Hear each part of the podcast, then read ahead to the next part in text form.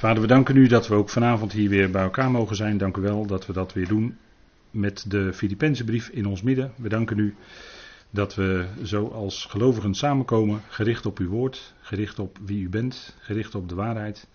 Dank u wel, Vader, dat we door u geroepenen zijn. Dank u wel dat u ons trekt, ook deze avond, om ons oor te openen en geef ons ook een geopend hart. Geef juist de woorden, de wijsheid, om over te dragen wat u bedoelt, Vader. Geeft u daarin alles wat nodig is. Dank u wel dat we op u mogen vertrouwen. Vader, dank u wel dat u uw plan uitwerkt, ook in deze tijd waarin alles op zijn kop staat. Maar dank u wel dat de tijd nabij is dat alles weer recht wordt gezet door u. Dank u wel dat ook dat zo moet zijn. En dank u wel dat u ook in deze tijd met veel geduld de instrumenten van de verontwaardiging draagt. Dat is uw liefde, Vader, dat u dat zo doet. Dank u wel dat u het uitwerkt en dat u ook dat gebruikt in uw plan. We danken u dat we op mogen zien naar u, wetend dat u ook ons als gemeente zal roepen op dat juiste moment. De bazuin gaat spoedig klinken en we mogen daarna uitzien met elkaar. Dank u wel voor het weerzien wat er dan zal zijn. Dank u wel dat we ook hier in hele kleine kring elkaar één keer per veertien dagen terugzien. En dat het fijn is om met elkaar zo dat woord te delen. Vader, dank u wel voor die genade die u geeft. Dank u wel dat we dat in alle rust en hier mogen doen.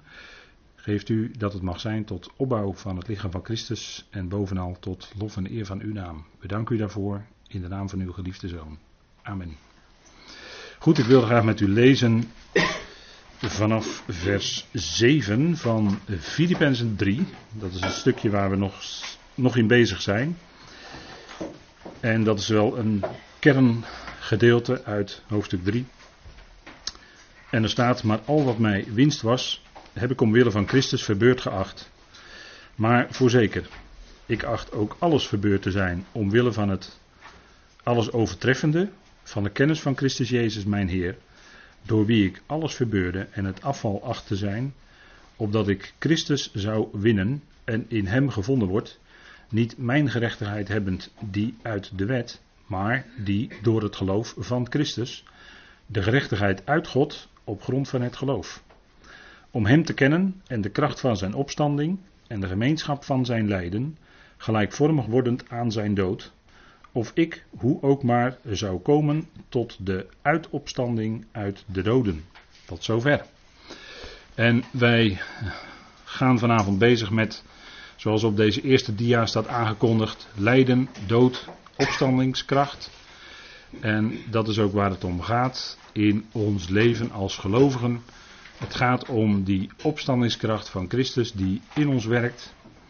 En dat is de kracht waar het op aankomt in ons leven. Als gelovigen, wij kunnen slechts kracht putten uit Hem. Alle kracht komt bij God vandaan. En wij putten kracht uit Christus Jezus, onze Heer. Hij geeft ons de kracht, ook in het lijden, want dat is vanavond ook een thema. Het lijden, de dood en de opstandingskracht. Dat zijn dingen die in ons leven toch op een of andere manier uh, aan de orde zijn ons leven als gelovige bedoel ik dan, want alleen een geestelijk mens, een gelovige dus, die kan dat verstaan. Een uh, vleeselijk mens die verstaat niet de dingen die van de geest van God zijn. En een zielsmens die zit daar misschien een beetje tussenin, maar uh, die trekt toch vaak meer naar het vlees. En dus de bedoeling dat onze ziel, zoals we ook al eerder in Filippenzen gezien hebben, uh, aangestuurd wordt en beheerst wordt door geest, door Gods geest. En dat we zo ook als mensen onze emoties hebben, maar dan wel altijd onder de controle en het beslag van de geest van God. En dus met een bepaalde mate. En God geeft ook ieder een mate van het geloof, zoals hij aan ieder toedeelt. Dus daar kunnen we ook niet elkaar op aankijken. De een heeft meer geloof dan de ander. Dat is wat God toedeelt. En daar zouden we gewoon het bij houden en voor elkaar bidden. En niet zozeer met elkaar uh, naar elkaar met de vinger wijzen. Maar dat heb ik vorige keer geloof ik gezegd. En als we kijken, dan zien we een aantal facetten die hier naar voren komen in deze versen, vers 10 en vers 11. En je kunt dat leggen naast de gemeente. Hier gaat het om een hele persoonlijke ervaring van de apostel Paulus. Uh, hoe hij zijn leven leefde, hoe hij de dingen ervoer en hoe hij de dingen zag vanuit God. Dus hij bekeek ze geestelijk en hij zei ook uh, hoe dat in zijn leven werkte. Maar dat was voor hem persoonlijk, dus ik heb deze facetten, uh, die staan op verschillende dia's tussendoor.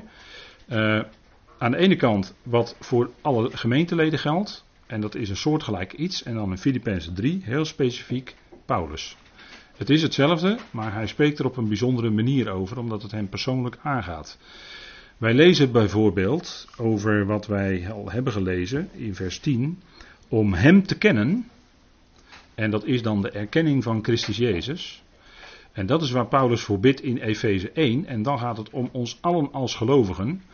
En ik hoop ook dat u dat bidt voor uzelf en voor elkaar, dat gebed uit Efeze 1, om de geest van wijsheid en onthulling in erkenning van Hem. Dan gaat het dus om erkenning van Hem. En Paulus heeft het dan in Filippenzen 3, vers 10, specifiek over zichzelf. En dan zegt hij om Hem te kennen. Om Hem te kennen. En dan gaat het natuurlijk door, hè, dat vers, met die andere facetten. Maar daar wilde hij zich naar uitstrekken. En al zijn verleden achtte hij als verbeurd. Dat achtte hij als afval. Dat hebben we vorige keer gezien, dat woord skuballon.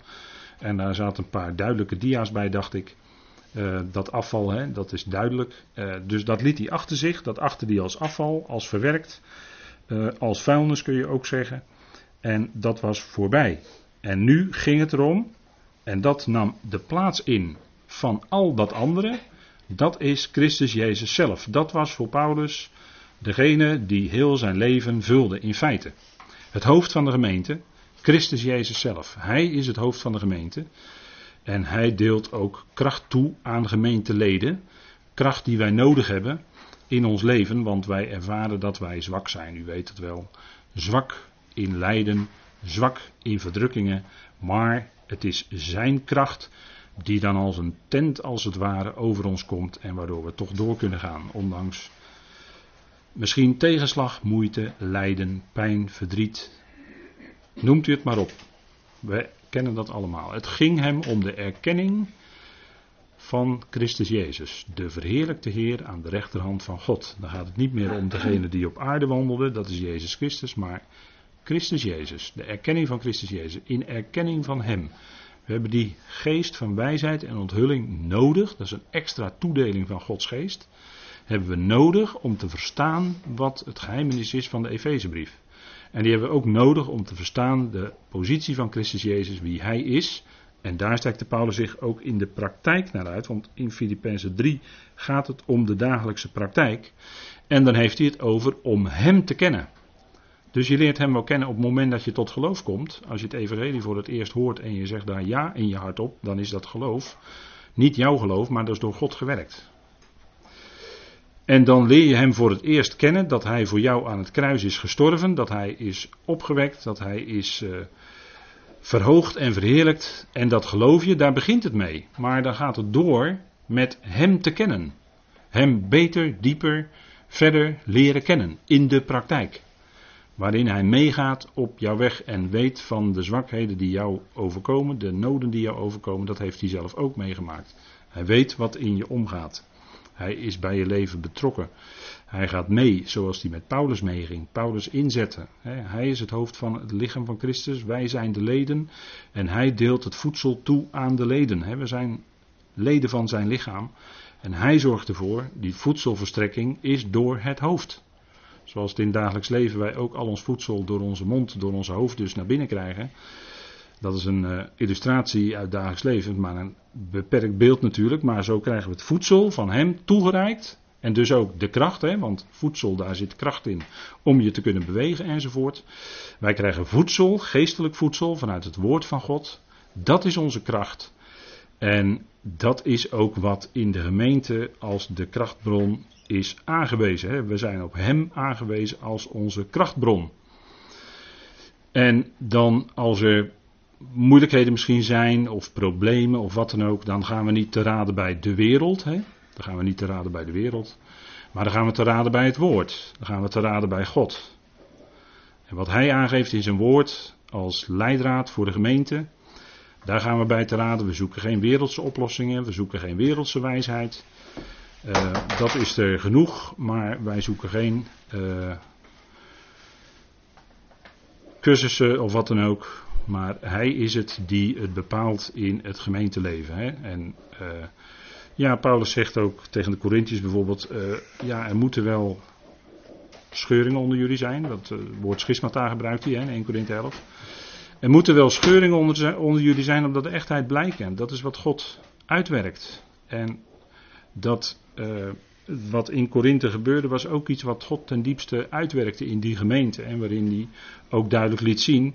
Kijk, dat is eigenlijk de lijn. Hè. Het gaat om die wijsheid van God. Hè, die we zouden uh, waarderen. Hè. Een geestelijk mens waardeert ook de wijsheid van God. Hè. Het gaat hier in Efeze 1, op deze dia heb ik dat ook gezet, een geest van wijsheid.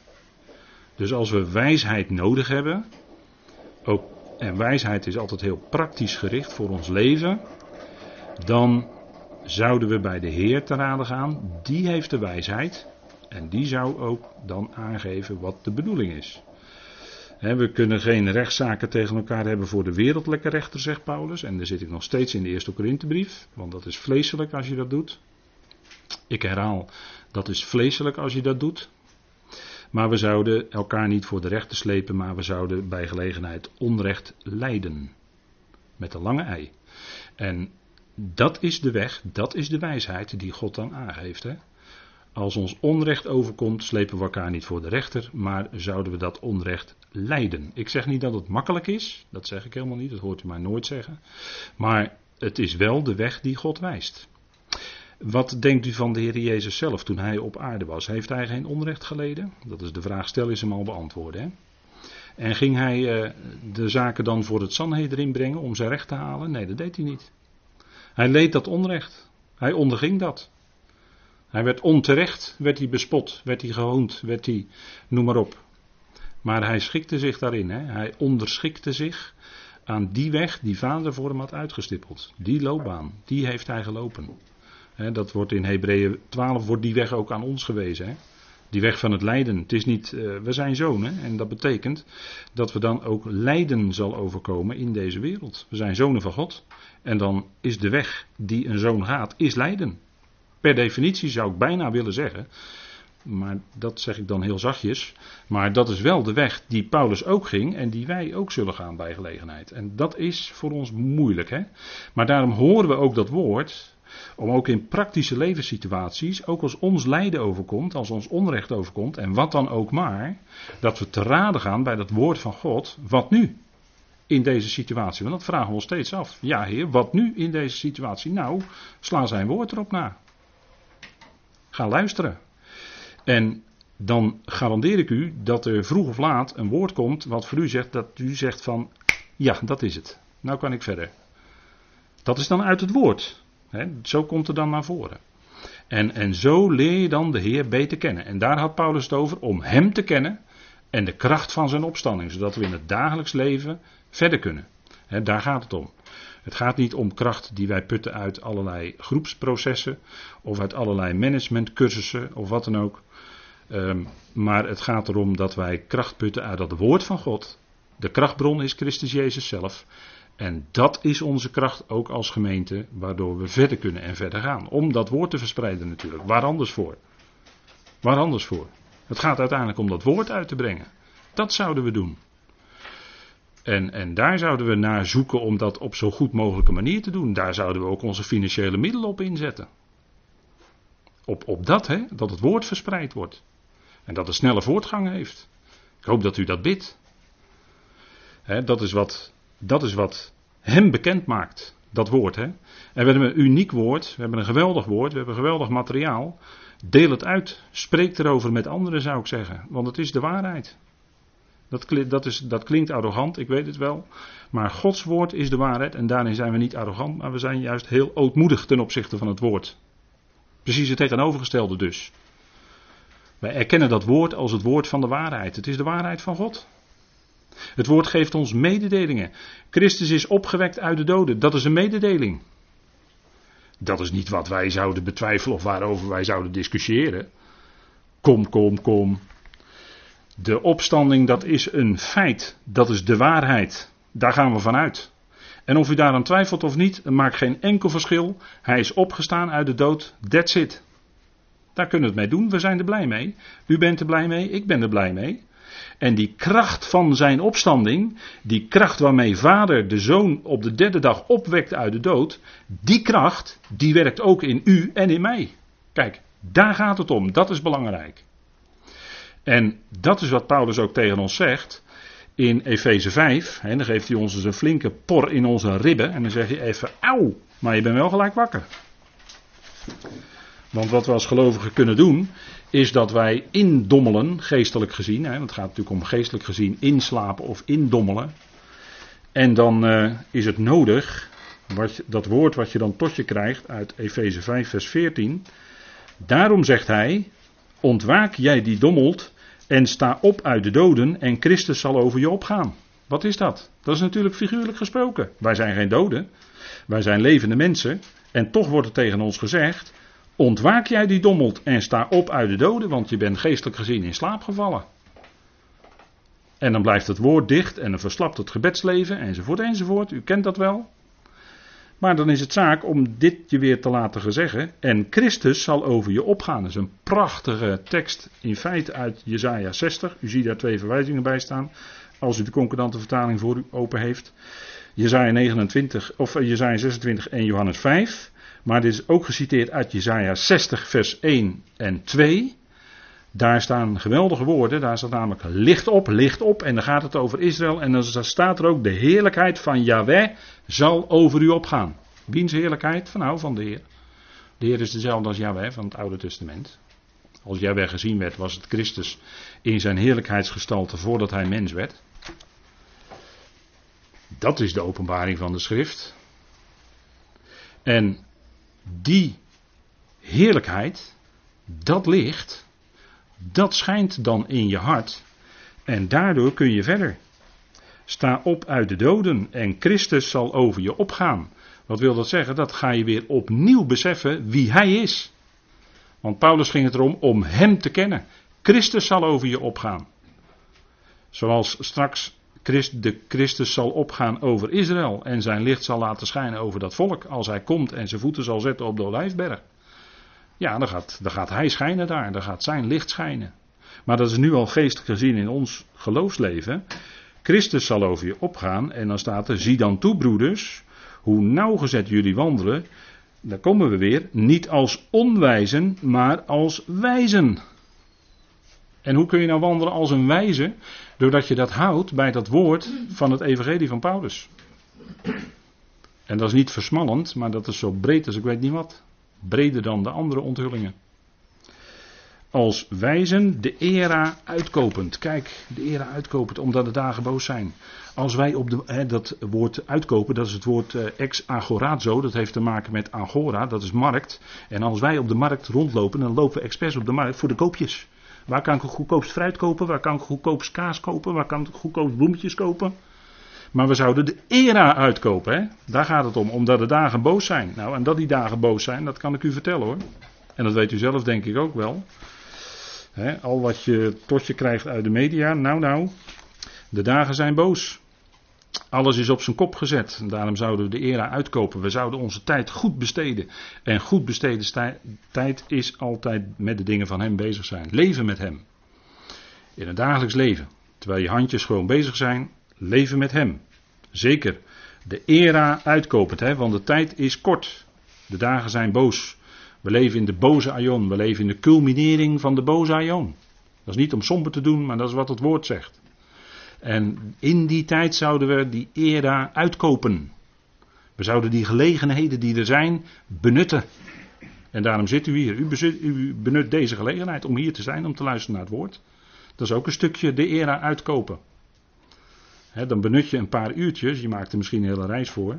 Maar je benut een paar uurtjes om dat woord te horen, om elkaar te ontmoeten. om elkaar te ontmoeten. Dat is het, hè? we leven in genade met elkaar. Dus we leggen elkaar niks op, we moeten niks, maar we ontmoeten elkaar rondom het woord. Dat is de enige manier, denk ik, voor gelovigen. En niets anders dan dat. Maar dit is de kracht die we nodig hebben om dienstwerk te kunnen vervullen, ook in het lichaam van Christus, om ons dienstwerk in ons dagelijks leven te kunnen doen, op welke plek wij ook gezet zijn. Maar dit is die kracht die we nodig hebben. En doe je het in eigen kracht, nou dan zul je straks bij de Bijma ontdekken dat het, dat het misschien uh, momenten waren in eigen kracht, uh, waarin je in eigen kracht bezig was. Nou ja, dat verbrandt dan. En wat overblijft is dat wat in zijn kracht gedaan is en wat uh, vrucht, vrucht, heeft gedragen. En dat is ook door hem dan door je heen gewerkt, maar dat zal dan ook blijven hè, bij de Bema. De kracht van zijn opstanding. Dat is iets geweldigs, hè, een geweldig thema. Het gaat hier niet om zijn letterlijke opstanding, zozeer voor Paulus nu, maar het gaat om de kracht van zijn opstanding, de dynamis. Daar zit het woord dynamiet, komt daar vandaan, hè? dynamiet. En daar blaas je die dingen mee op. En dat doet Paulus ook. Met zijn brieven blaast hij ons eigen denken op, onze eigen wijsheid op, ons eigen kunnen op. Hij blaast alles op wat van die oude mens is. dat is die dynamiet van het evangelie. Dan uh, komt er zijn kracht in de plaats van jouw kracht. En daar kun je achteraf alleen maar heel erg blij mee zijn. De kracht van zijn opstanding, dat is een geweldig thema in dit stukje. Hem te kennen en de kracht van zijn opstanding. En als we dat vergelijken weer even, voor alle gemeenteleden geldt, wat in Efeze 1 staat, opdat jullie zien, hè, we krijgen die geest van wijsheid en onthulling, opdat jullie zien, want dan ga je dingen zien. Dan krijg je verlichte ogen van het hart en dan ga je dingen zien. Dan ga je de dingen zien zoals ze werkelijk zijn. Dan ga je de dingen doorzien. Dan ga je door datgene heen zien wat uit de wereld op je afkomt, door de media, door al die berichten. Daar kijk je dan doorheen. Je kijkt erachter. Wat zit erachter? Wat beweegt uh, daarachter? Maar je gaat ook zien hoe dat gaat met, met mensen. Je gaat doorzien hoe dat gaat in de gemeente. Je gaat processen doorzien. En je gaat steeds meer kijken met een geestelijk oog. Verlichte ogen van het hart. Door de geest van wijsheid gewerkt. Dan ga je met wijsheid kijken naar de dingen die op je afkomen, ook onder gelovigen. Want er is natuurlijk enorm veel verwarring in de christenheid. Gigantisch veel. Maar het is zaak dat wij zien hoe de dingen zitten, wat de overstijgende grootte van zijn kracht is. Daar ligt de nadruk op. Voor ons die geloven. U en ik dus. Zijn kracht. En dan zegt Paulus verderop, hem opwekkend uit de doden.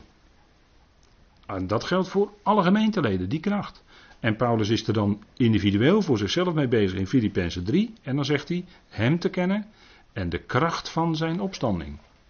Het tweede themapunt hè, uit deze toch wel uh, geladen versen, vind ik. Filippenzen 3, dat zijn toch wel hele geladen versen.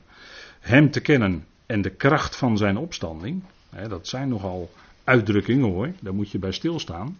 De kracht van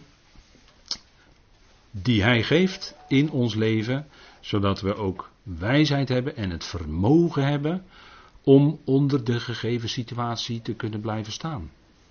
Hij geeft de uitstijging, weet u wel. Hij geeft de ekbasis. Weet u het nog? 1 Corinthië 10, vers 13. Geen enkele beproeving overkomt ons dan slechts menselijke. En dan staat er dat hij met de beproeving, dus hij geeft ook die beproeving, geeft hij ook de uitstijging, zodat je in de gegeven situatie eronder kan blijven. Dat is die kracht van zijn opstanding. Waardoor je in die omstandigheden eronder kan blijven. Dat is de ekbasis, dat is de uitkomst die Paulus bedoelt in 1 Korinthe 10, vers 13. Dat is heel belangrijk. En dat is heel vreugdevol voor ons, want wij weten dat, u en ik weten dat inmiddels. Dat Hij dat geeft. Dat Hij dat doet. Dat Hij dat geeft in zijn liefde, dat Hij dat geeft in zijn genade. En die beproevingen en dat lijden wat ons overkomt, dat is niet zomaar, maar dat is datgene wat uit zijn hand ons toevalt, om het zo maar te zeggen. Het is niet toevallig, maar het valt ons wel uit zijn hand toe. Dat lijden, wat zeg je? Ja, dat lijden. En daar gaan we dan naar het volgende punt uit de tekst. Het volgende punt uit de tekst is namelijk, en dat is voor ons het moeilijke punt. Hè? Wij zeggen dan vers 10, hem te kennen, prima, fijn. De kracht van zijn opstanding, heel fijn. Maar dan komt de gemeenschap van zijn lijden. En nu wordt het moeilijk. Nu wordt het moeilijk voor ons. Hè? De gemeenschap van zijn lijden staat er. Met een hoofdletter, hè? zijn met een hoofdletter. Zijn lijden. Lijden is pathema in het Grieks, dat komt van passo, dat betekent, eigenlijk in de grondbetekenis is dat emotie. Emotie. En lijden is bij ons een hele diepe emotie. Dat was het ook bij de Heer. En hoe kon de Heer eronder blijven staan in dat enorme lijden? Hij vertrouwde op de belofte van de Vader. Hij vertrouwde Vader. En hij schikte zich onder het lijden wat hem overkwam, wat Vader voor hem bedoelde. Vader, niet mijn wil, maar uw wil geschieden. Dat is het, hè? Hij was ootmoedig. Hij onderschikte zich. En die ootmoedige gezindheid is de leidraad in deze Filippenzenbrief. Voor u en voor mij. Voor Paulus ook. Daar gaat het om. Die ootmoedige gezindheid. En dat betekent dat je dus onderschikt aan het lijden. Dat is moeilijk. Dat is moeilijk. Want lijden is voor ons moeilijk. We kunnen lichamelijk lijden. Pijn lijden. Daar kun je aan geholpen worden. Hopelijk helpt dat. Operatie, pijnstillers enzovoort. Hopelijk helpt het. Maar je kunt ook lijden in de ziel. Dat is al moeilijker. En nog een stap verder gaat het geestelijke lijden. En het geestelijke lijden, daar kun je geen paracetamol voor nemen. En ook geen ibuprofen. En ook geen Excedrin. Maar voor het geestelijke lijden hebben wij de vertroosting van de schriften. Hebben wij de vertroosting van het woord. Dat is wat Paulus ook kreeg hè, in 2 Korinthe 1. Daar komen we misschien nog wel op vanavond. Maar op deze dia heb ik gezet linksonder. Verblijden om het lijden. Dat is een moeilijk zinnetje, denk ik. Maar ik heb het er toch op gezet. Ik heb het er toch op gezet. Waarom? Omdat het lijden van Christus ook over de apostelen van de besnijdenis kwam. dat, eh, dat, slaan we misschien wel eens over, maar dat is er natuurlijk wel degelijk geweest. Uh, en uh, kijk maar eens in Handelingen 5 wat daar gebeurde. Zij getuigden van Jezus Christus, hun Heer. En dat vond het Sanhedrin niet fijn. Dus zij werden voor het Sanhedrin uh, gedaagd of gesleept, of hoe moet je het ook zeggen. En daarin overkwam hen lijden. Laten we maar even met elkaar in Handelingen 5. En dan heb je eerst de raad van Gamaliel, die zei: laten we oppassen met deze mensen. Uh, om hen uh, uit te schakelen, want het zou kunnen zijn dat was een wijs man, hè, die Gamaliel. Die kwam uit, uh, als ik het goed heb, uit de school van uh, Hillel. Maar dan zal ik het wel fout zeggen. Dan was het uit de school van Shammai. Oké, goed, één van de twee. Maar dat was een wijs man. En die stond in aanzien bij het volk. En dan zegt hij in vers 38, deze Gamaliel, over de apostelen van de besnijdenis. Die hun mond niet konden houden. En nu zeg ik dit en nu zeg ik u, houd u ver van deze mensen en laat hen gaan, want als dit voornemen of dit werk van mensen afkomstig is, dan zal het afgebroken worden. Maar als het van God afkomstig is, kunt u dat niet afbreken, opdat u niet misschien ook tegen God blijkt te strijden. En ze lieten zich door hem overtuigen. En toen zij de apostelen bij zich geroepen hadden, geeselden zij hen en geboden dat zij niet zouden spreken in de naam van Jezus en zij lieten hen gaan. Zij werden, dat staat even zo heel kort, hè. Geeselden zij hen. Maar weet u wel wat geeselen was in die tijd? Nou, dan werd je, flink, eh, werd je rug flink opengeslagen hoor. Tot bloedens toe hoor. Dan ging het nog even door als het al bloedde. Hè? En ik kan u ook vertellen wat voor instrumenten ze daarbij gebruikten, maar laat ik het maar even hierbij laten. Dan weet u wel genoeg, denk ik. Hè? Dat was dus heel erg pijnlijk. Lichamelijke pijn. Dat was lijden. Dit was lijden omwille van de naam van Jezus. En dan staat er in vers 41. Zij dan gingen weg uit de tegenwoordigheid van de raad van het Sanhedrin. En waren verblijd dat zij waardig geacht waren omwille van zijn naam smaadheid te lijden. Ziet u het? Daarom heb ik op deze dia gezet. Verblijden om het lijden, want dat is wat zij deden. Zij waren gegezeld, zwaar lichamelijk letsel was hun toegebracht. En zij verblijden zich daarom. Nou, dan zegt hoe is het mogelijk? Hoe is het mogelijk? Ja, dat is mogelijk. Dat deden zij. Omdat, zij, omdat het was ter wille van de naam van hun Heer. Daarvoor hadden zij, waren zij waardig geacht te lijden. Moet je nagaan. En daar verblijden zij zich om. Dat is verblijden om het lijden. Dat is, dat is, wat, dat is, wat, uh, dat is wat tegen ons mens zijn indruist eigenlijk, want wij willen helemaal niet lijden. Een mens wil van, vanuit zichzelf het lijden liever mijden, in plaats van zich erin te verblijden. Maar hier lezen wij, die apostelen van de besnijdenis, die verblijden zich om het lijden. Hoe konden ze dat? Nou, dat kwam natuurlijk omdat de geest van God ook in hen werkte. Die was op hen, maar die werkte bij gelegenheid in hen. En zo konden zij zich verblijden. Dat kon alleen maar door de geest. Dat konden ze niet uit, uit zichzelf, vanuit hun eigen ziel. Absoluut niet.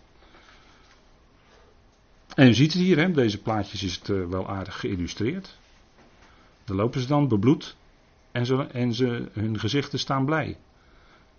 Om het lijden dat ze voor de Heer hadden kunnen doen op dat moment.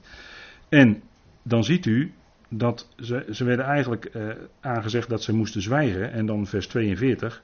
En ze hielden niet op iedere dag in de tempel en bij de huizen onderwijs te geven. En Jezus Christus te verkondigen. Kijk, dat woord gaat door. Hè? Ze gingen gewoon door.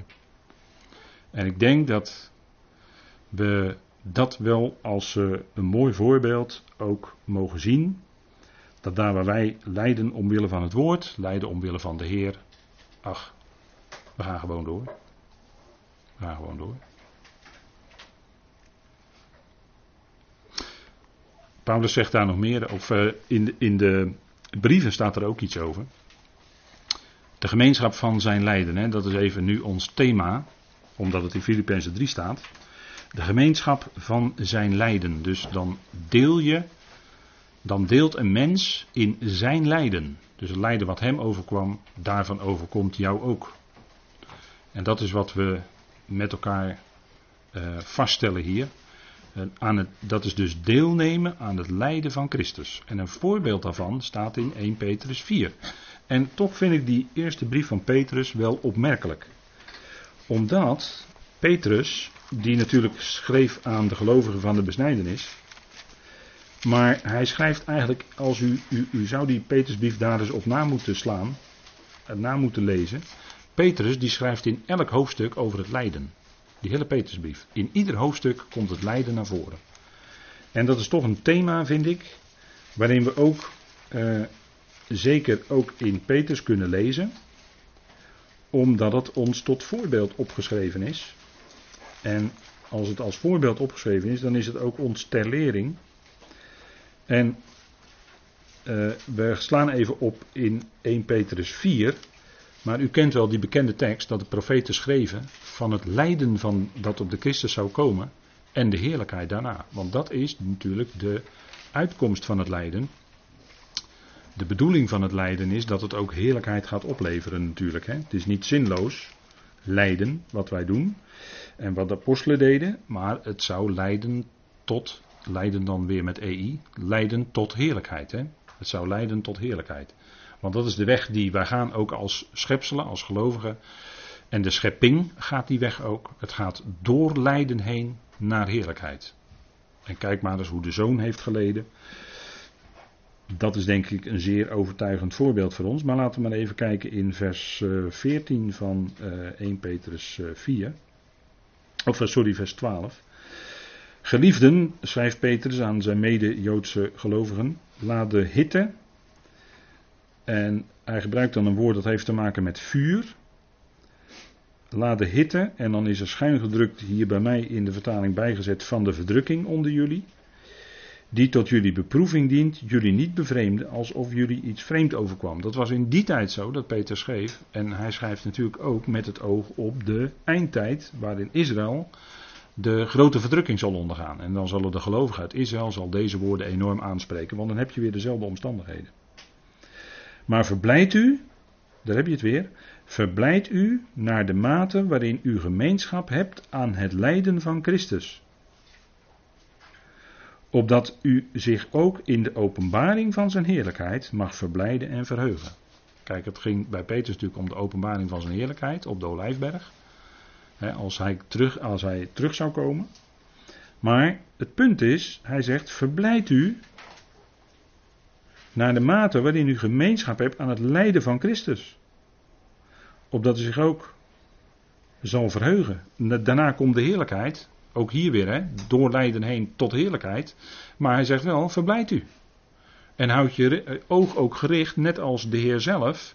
Die hield zijn oog ook gericht op datgene wat zou komen. De heerlijkheid en de vreugde die hem voorgesteld was door de Vader.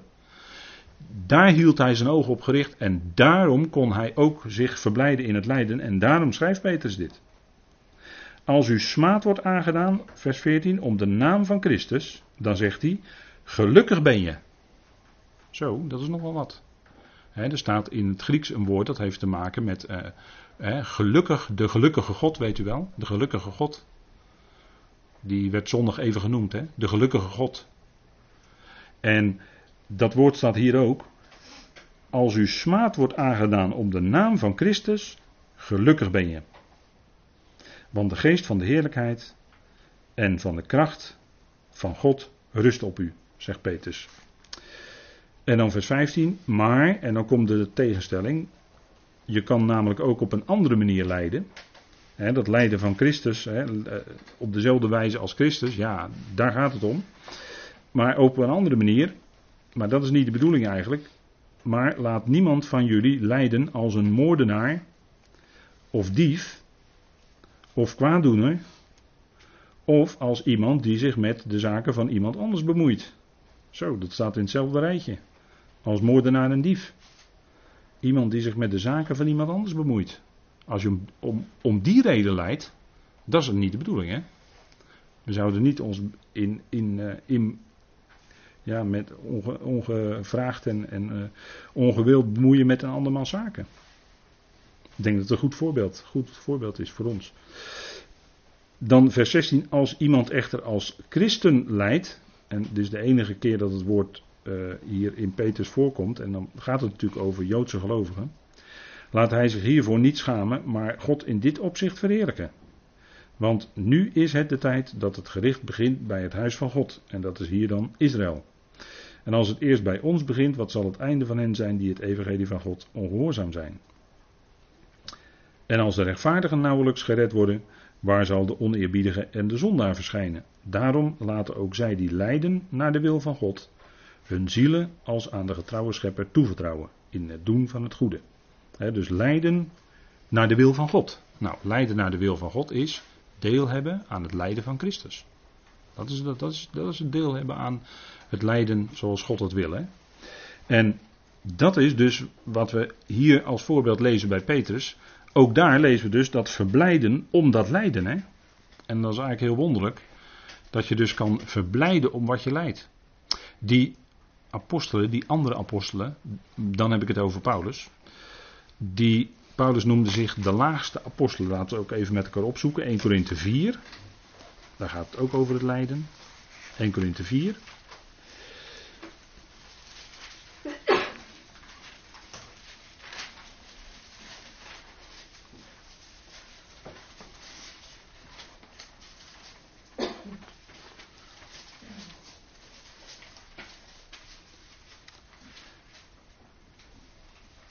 Daar spreekt Paulus dan in ironie over de Corinthiërs en wat hij daar allemaal zag.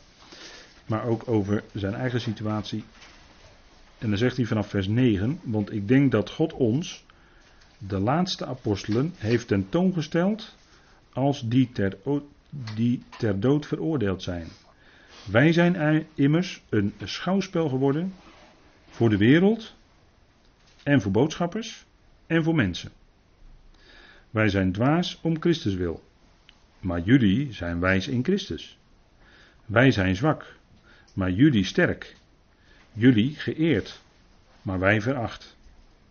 Tot op dit moment lijden wij en honger en dorst en wij zijn naakt en wij worden met vuisten geslagen en wij hebben geen vaste woonplaats en wij spannen ons in door met onze eigen handen te werken. Worden wij uitgescholden wij zegenen. Worden wij vervolgd, wij verdragen. Worden wij belasterd, wij bidden. Wij zijn geworden als het uitvaagsel van de wereld en het afschraapsel van allen tot nu toe. Ik schrijf deze dingen niet om jullie te beschamen, maar als mijn geliefde kinderen wijs ik terecht. Dus hij wilde hun denken aanpassen.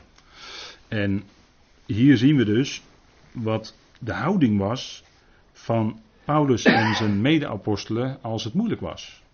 En dat was toch wel heel bijzonder. Hè? En dat is denk ik ook heel praktisch. Hè? Als hij zegt van uh, wij spannen ons in. Hè? En wij hebben geen vaste woonplaats. Wij werken met onze eigen handen, voorzien in ons eigen inkomen. Was tentenmaker. En uh, in, die, in die tijd zeker werden er ook, uh, nog steeds hoor, Bedouinententen gemaakt. En dat was geen licht spul, dus het was vrij zwaar handwerk wat hij deed. Maar dat deed Paulus om in zijn eigen onderhoud te kunnen voorzien. En op die manier, uh, bij gelegenheid samen met Prisca en Aquila. Maar op die manier voorzag hij in zijn eigen onderhoud. En dat maakte natuurlijk allemaal niet makkelijker op.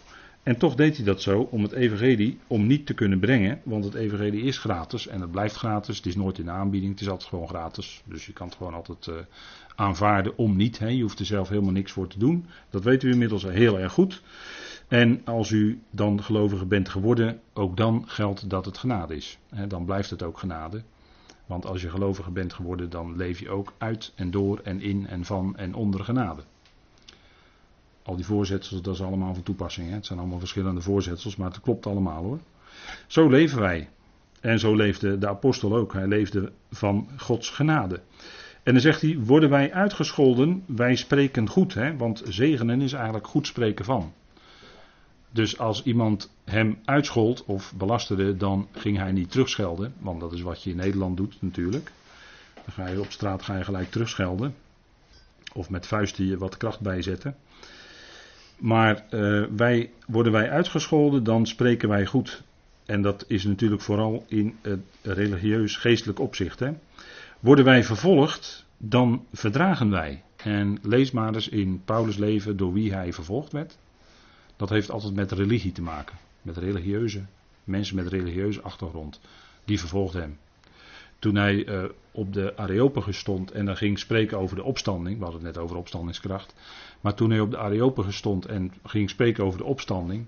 Ja, toen lachten ze hem een beetje uit en haalden de schouders op en liepen bij hem weg. En zeiden: Nou, we zullen u nog wel eens horen. Met andere woorden, we willen je eigenlijk helemaal niet meer horen, we gaan weg. En dat was niet de houding van de religieuzen, want daardoor werd Paulus vervolgd. Hè? En dan zegt hij: Worden wij belasterd? Dan bidden wij. We gaan niet teruglasteren. Kijk, lasteren is iemand beschadigen door wat je zegt. Of uh, als een speerworp iets zeggen. Dus, en dan om iemand dus met die speer te treffen natuurlijk. Hè. En dan, wat is dan de reactie? Wij bidden. En zeggen, ja dat is zwak. Ja zeker, dat, is dat, is, eh, dat lijkt heel zwak. Maar dat is nou juist de kracht die je hebt. Om niet te reageren naar het vlees. Maar om geestelijk te reageren, daar heb je kracht voor nodig. En daar hebben we het vanavond over. De kracht van zijn opstanding. Die heb je nodig, Gods kracht heb je nodig, Gods geest heb je nodig. Om zo te reageren zoals Paulus het hier voorleeft in deze verse. Zo leefde hij. Ons tot voorbeeld. Dat is waar we naar kunnen kijken. En dat kon hij omdat hij die boodschap van verzoening met zich meedroeg en verzoend wilde zijn. En daarom schold hij niet terug. Want God scheldt ook niet terug als, hij, als iemand God lastert en zijn vuist naar de hemel opheft, dan blijft het stil, want God is verzoend. God strekt zijn verzoenende handen naar deze wereld uit. Mensen kunnen hem belasteren, mensen kunnen alles, er wordt alles, al het mogelijke gedaan tegen God. Maar God houdt zijn handen van verzoening niettemin naar deze wereld uitgestrekt. Dat is de houding. En die houding zouden, kunnen wij uitleven door ook niet te reageren op allerlei aantijgingen en noem maar op. Ook al heb je de neiging om dat heel erg te doen. De gemeenschap, daar gaat het om, hè? De gemeenschap van zijn lijden. Zijn lijden. En dat is, niet, dat is helemaal niet zo'n makkelijke weg. Dat is een moeilijke weg. De gemeenschap van zijn lijden. Paulus had er eerder over gesproken. En dan gaat het om alle gemeenteleden. U en ik dus. In Filippenzen 1. Dat hebben we natuurlijk al met elkaar gelezen en besproken. Maar het is goed om dat opnieuw te lezen, want aan jullie is de genade geschonken voor Christus. Let op, hè, voor Christus. Niet alleen in hem te geloven, dat is genade, maar ook voor hem te lijden. Ook dat is genade dus. Dat lijden is ook genade. Lijden voor Christus. Dat is genade. Dat heeft daarmee te maken. Dat, dat is hè, dezelfde worsteling hebbend. Hè, het was voor Paulus ook een worsteling, want er waren ook tegenstanders natuurlijk. Die zijn er altijd als het om het woord gaat. Zijn er altijd tegenstanders. Die aangestuurd worden door natuurlijk. Daarvoor hebben we dan ook die geestelijke wapenrusting. Maar dezelfde worsteling hebben. Dat is een worsteling. Dat is eh, steeds weer het woord bekendmaken. Dat is een worsteling. Dat is helemaal niet makkelijk. Het lijden. De verachting. De geestelijke stenen naar je hoofd krijgen. Stefanus kreeg ze letterlijk. Maar Paulus kreeg ze niet alleen letterlijk, maar ook geestelijk naar zijn hoofd. Geestelijk de hoofd, eh, stenen naar je hoofd krijgen. Zeggen dat, dat, je, uh, dat je totaal. Uh, een, zeggen dat je een leugenaar bent terwijl je de waarheid spreekt. Dat soort dingen krijg je dan.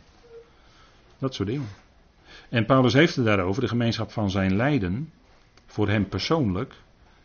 Hij had het dus al genoemd in Filippenzen 1 voor de gemeenteleden als geheel, de gemeente. Voor Christus lijden. In de vroege kerkgeschiedenis had je de martelaren.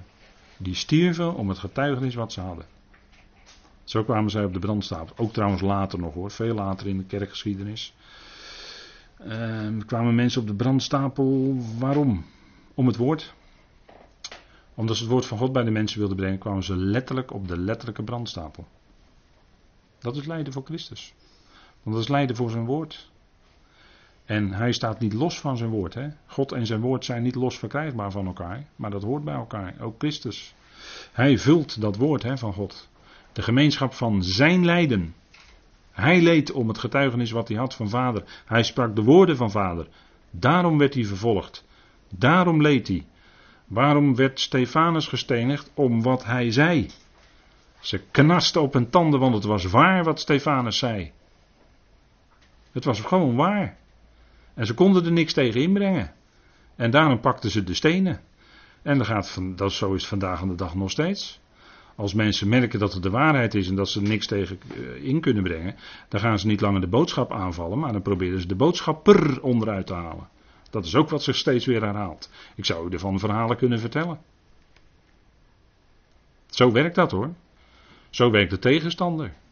En die gebruikt daar bij gelegenheid gewoon medebroeders en zusters voor.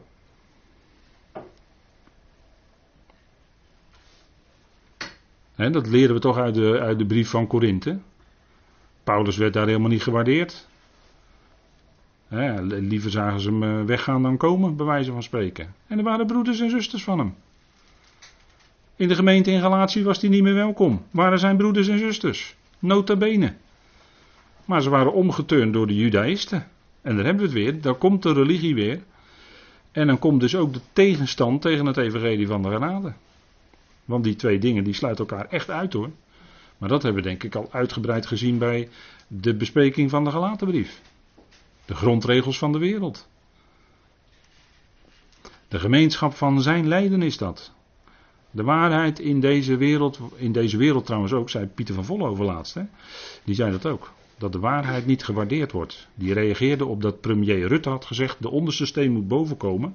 En toen twitterde meester Pieter van Vollenhoven dat wat hem betreft het waarschijnlijk niet, dat was de strekking van zijn tweetbericht, dat wat hem betreft waarschijnlijk niet de waarheid op tafel zou komen, omdat het in deze tijd eigenlijk niet echt gebeurt. Dat echt de volle waarheid op tafel komt. En soms is de, de leugen die over grote dingen wordt verteld zo monsterachtig groot, dat mensen het gaan aanvaarden als waarheid. Dat is trouwens ook een tactiek hoor, om het zo te doen. als je maar groot genoeg een leugen in de wereld brengt, en je herhaalt hem lang genoeg, gaan de mensen het vanzelf aanvaarden als waarheid. Zo werkt dat. Ik zou u daar hele krasse voorbeelden van kunnen noemen, maar dat zal ik nu niet doen.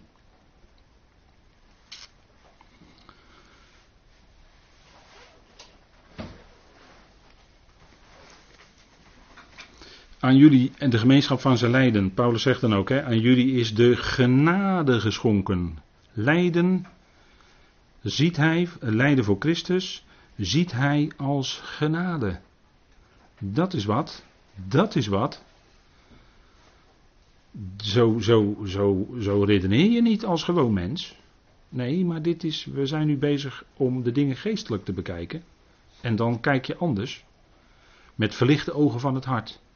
En zo schreef Paulus natuurlijk. Aan jullie is de genade geschonken voor Christus. Niet alleen in hem te geloven, dat is genade, hè, want geloof is een genadegeschenk van God. Geloof heb je nooit uit jezelf, is altijd een geschenk, gewerkt door de geest. Je kunt niet zeggen, ik heb gekozen voor Jezus. Nee hoor, het was God die al lang voor jou gekozen had. En daarom kon jij geloven, omdat Hij met zijn geest in jou werkt. Daarom kun jij geloven, anders kun je het niet. Anders ben je blind en doof. Maar je ogen zijn geopend, je oren zijn geopend, hij heeft je oren doorboord. Ze zijn geopend geworden voor het evangelie. Nou, wees er blij om. En, maar dat betekent aan de andere kant ook lijden omwille van Christus, lijden omwille van het woord. En dat is genade, zegt Paulus. Dat is genade. Dat is iets dus wat ook vreugde schenkt. Hoewel uh, lijden je overkomt, heb je toch vreugde. En dat hebben we al gelezen met elkaar. Ik had bij die ene dia gezet, verblijden om het lijden. En dat deden die, die apostelen van de besnijdenis. maar die vreugde die je hebt in het lijden, dat is ook door God gegeven, omdat het genade is. En als je dat zo gaat zien, dan kun je ook verblijden als je lijdt, omwille van het woord, omwille van Christus. En dat is iets wat God dan ten diepste geeft. Het is de weg die God ons mensen laat gaan. Want zegt hij niet in Prediker 1, vers 13: Het is de ervaring van het kwaad die God aan de mens, luister, u hoort het goed hè, die God, Elohim staat daar, die God aan de mensen geeft om hen daarmee te verootmoedigen. Dat zegt Prediker 1, vers 13. Prediker was een wijs man. En dan zegt u ja, wijsheid onder de zon. Inderdaad, maar het klopt wel daar hoor, als het gaat over het lijden hij geeft aan de mens de ervaring van het kwaad. Om hen daarmee te verootmoedigen. Want dat is ook een functie van het lijden. Dat de mens daardoor verootmoedigd wordt. Lijden kan in iemands leven komen om de hoogmoed af te breken. Dan zeg ik het even op een andere manier. Dat kan. Dan breekt God af door middel van het lijden wat hem in de weg staat om vol door te werken in het leven van een gelovige. Want het is één ding dat de mens aanvaardt dat Jezus voor hem gestorven is aan de kruis voor de zonde. En dat is fijn, dan ben je gelovige. Maar het is nog een ander ding, en dat is een hele stap verder in het geloofsleven dat je gaat erkennen dat, helemaal, dat jij helemaal niets van jezelf kunt inbrengen, maar dan ook echt helemaal niets. Maar dat al wat jij kan, al jouw mogelijkheden, jou door God geschonken zijn.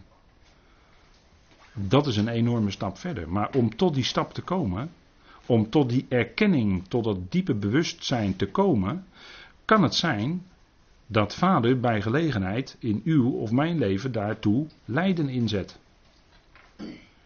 En dat is genade. En we lezen daar iets over in Titus. Hè. Laat me even lezen, bekende woorden in Titus. Klein briefje, maar moeite waard hoor. Moeite waard. Titus 2.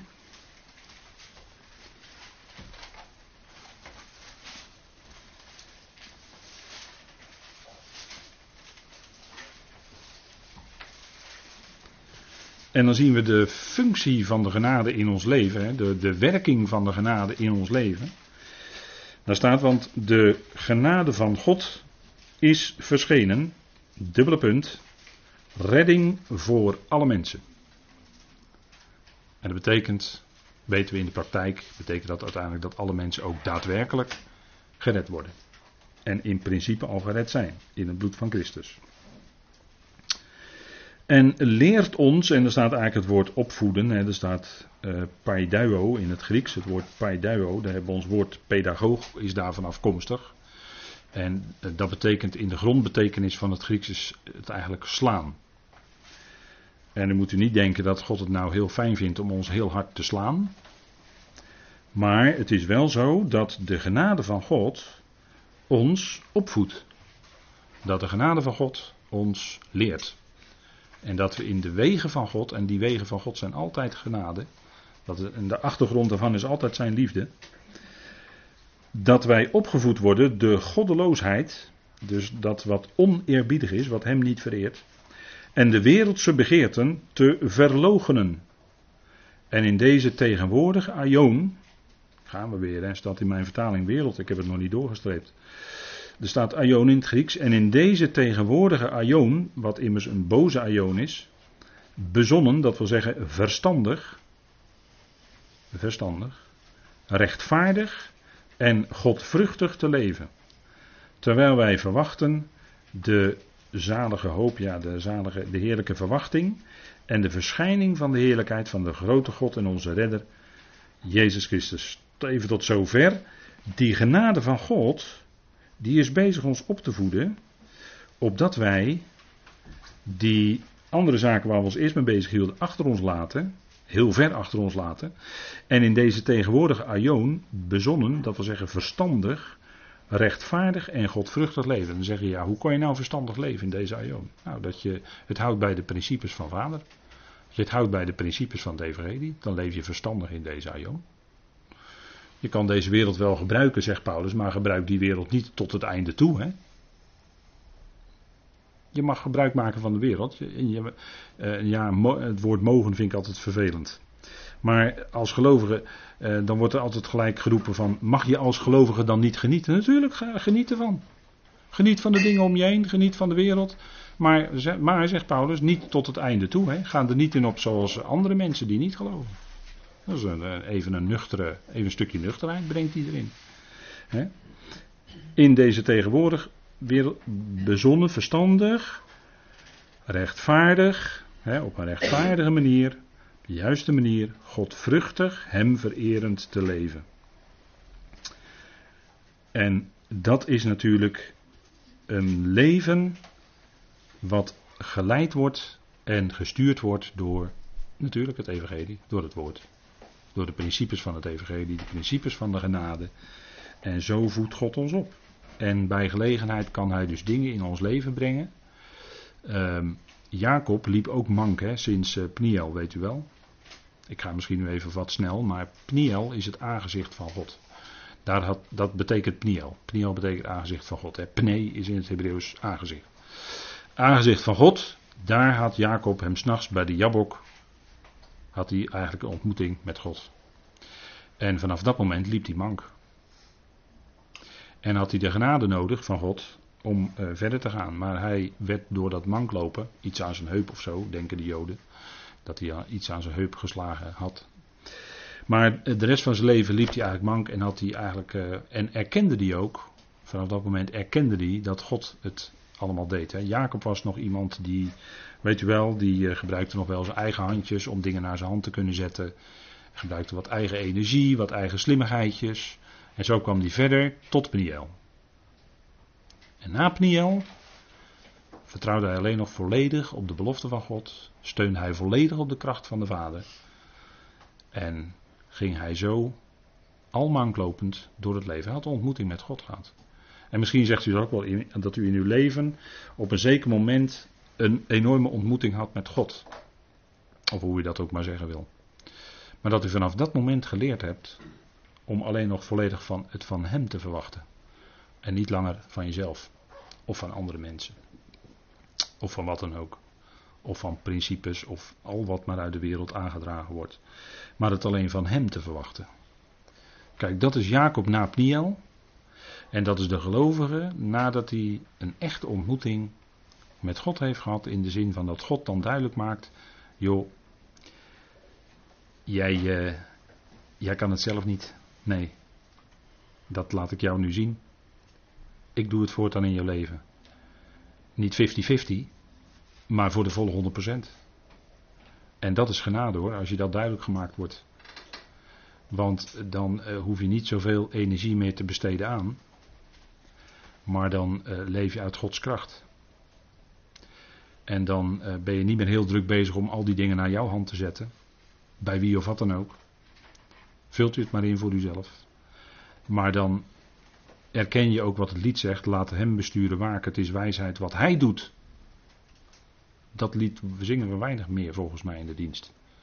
Maar zouden we wel weer eens een keer uh, als een liturg uh, dat op de agenda zit, zou ik dat wel waarderen, ja. Laat hem besturen waken. Het is wijsheid wat hij doet. En dat zie je vaak pas achteraf. Eerst vraag je misschien nog, Heer, waarom doet u het nou zo in mijn leven? Of in het leven van mijn kind, of in het leven van die en die, die mij lief is. Waarom doet u het zo? Om jaren later te erkennen, ja vader, het was uw wijsheid. Het moest zo zijn, dit is het beste geweest. Maar jij overzag het nog niet, maar hij wel. En daarom, kijk, ik moest heel sterk denken, toen ik me voorbereidde voor vandaag, aan die tekst uit, die bekende tekst uit Romeinen 8, dat eh, God het is die alle dingen, wij zeggen dan dingen, alle dingen doet samenwerken tot het goede. En hij doet ook het lijden in ons leven samenwerken tot het goede. Ook al begrijpen wij het nu niet en hebben we het er soms bij gelegenheid heel moeilijk mee, wat heel begrijpelijk is. Maar als je de uitkomst gaat zien die God uiteindelijk gaat geven, en misschien heeft u dat al ontdekt, dan erkent u inderdaad, ja, ook dat bedoelde u in uw plan, vader. Alleen zag ik het niet met mijn beperkte oogjes, maar u zag het wel. En uh, dan uh, is hij het die voorziet in wat nodig is. Hè? Net zoals hij bij Abraham en Isaac op Moria voorzag in dat ram wat in een struikgewas zat. Dat is uh, de Heer zal voorzien. En uh, in dat, dat, voorzien kunt u, uh, wat mij betreft, wel dubbel opvatten. Maar hij zag al wat hij nodig had, was er al. En zo is het ook in ons leven. Wat God nodig heeft, is er al. En hij geeft dat op zijn tijd. En dat is de beste tijd. En ik denk dat dat een, een punt is. Dat God ook het lijden in ons leven doet samenwerken tot het goede. Die heerlijkheid komt gegarandeerd. Die komt net zo zeker als dat Christus uit de doden is opgestaan. Maar die heerlijkheid komt. Dat is waar het uiteindelijk toe zal leiden. Ik denk dat we even gaan pauzeren.